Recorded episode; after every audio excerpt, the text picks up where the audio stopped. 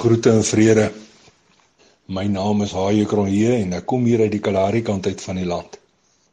Genesis 22 vers 14 in die Nuwe Lewende Vertaling sê: Abraham het hierdie plek genoem die Here voorsien. Hierdie naam het sedertdien 'n spreekwoord geword. Op die berg van die Here sal voorsien word. Glo jy? En pastoor goed vra of ek in die kerelkind van God glo, sê sy terwyl warm koffie stoom uit die nerf af en ingedikte blikbekers leierig boontoe beer. Ek weet nie so mooi nie, maar maar dink pastoor goed ek glo, antwoord sy terwyl 'n ver af Kalahari uitdrukking in haar oog blink. Pastoor sien hier in hierdie deel van die Kalahari is werk mos eintlik aan die minkant en so by so is Magoed se geldjies maar aan die skrapskant. Nadat ons pa goed voor laaste jaar daar in die een kant staan begrafplaas begrawe het en my ou boet tog te lief is vir die gevoeltes van die rooi prop wyn, kom geldjies maar nie te gereeld na ons kant toe nie. Net so in die begin van laaste maand hoor ek maar goed een oggend hardop bid dat die kerelkind van God tog die hongerte van ons se huismense se binnegoed moet wegvat. Seker maar net omdat ons se kossigheid al die laaste klompie daal heel op is. Pastoor weet daar was nie eers genoeg broodmeel vir 'n klein broodjie nie. Maar goed, was daardie oggend lank met hom besig.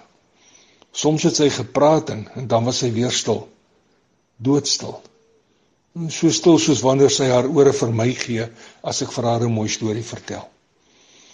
'n Rukkie later hoor ek haar amen sê en, en toe staan sy sukkel sukkel van haar moeilike knie af op. Skielik sê sy ons moet loop hout maak maar ek strubbel en stry want my hart is swaar en ons skot skottels is leeg. Heel leeg. Daarmee saam brand die son erg warm. Hoekom moet ons dan nou al die moeite doen vir hout as daar niks is om gaar te maak nie?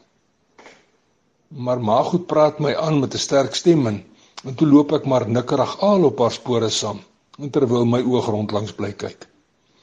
Magoed het die dag ver gaan dry en tot daar waar die hogere rooi duine langs die verste sien lê, want die naby houtjies is amper almal opgetel. Iewerste langs die pad bekruip die hongerte en die dorstigheid my alweer, en sommer net daar loop my kragte leeg. amper so leeg soos daai uitskep boorgat op die vlak net hier aan die ander kant. Nee, terugkom was ook nie te lekker nie want die hout was ongemaklik swaar. En my voete het gesleep en my hart het swaarder gelê as 'n groot slagskaap. En pastoor goed sal nie glo nie. Toe ons by die huis kom en Mago die deur oopstoot, steek sy skielik vas asof daar 'n geel slang voor haar lê. So loop ek teen haar vas en voor haar voete op die grond lê 'n bruin koevertjie met haar naam buite opgeskryf. Sy het stadig vooroor gebuk om die vreemdheid op te tel. En met dom vingers maak sy die koevertjie met skilpadspoed versigtig oop. En skielik raak Mago so groot oë nat en haar hand begin erg te bewe. 'n Blou R100 pastoorgoed, 'n blou R100 lê in haar hand. En baie saggies begin sy weer met die kerelkind van God praat en sy sê dankie. Sy sê dankie want die voorsienigheid is groot. Hy het dan juis vanoggend vir haar gesê hy sal voorsien. Maar nou weet ek nie so mooi nie. Sê my pastoorgoed. Dink jy ek glo? Nou ja, tot hier toe en mooi loop, Sankorrel baie seëninge.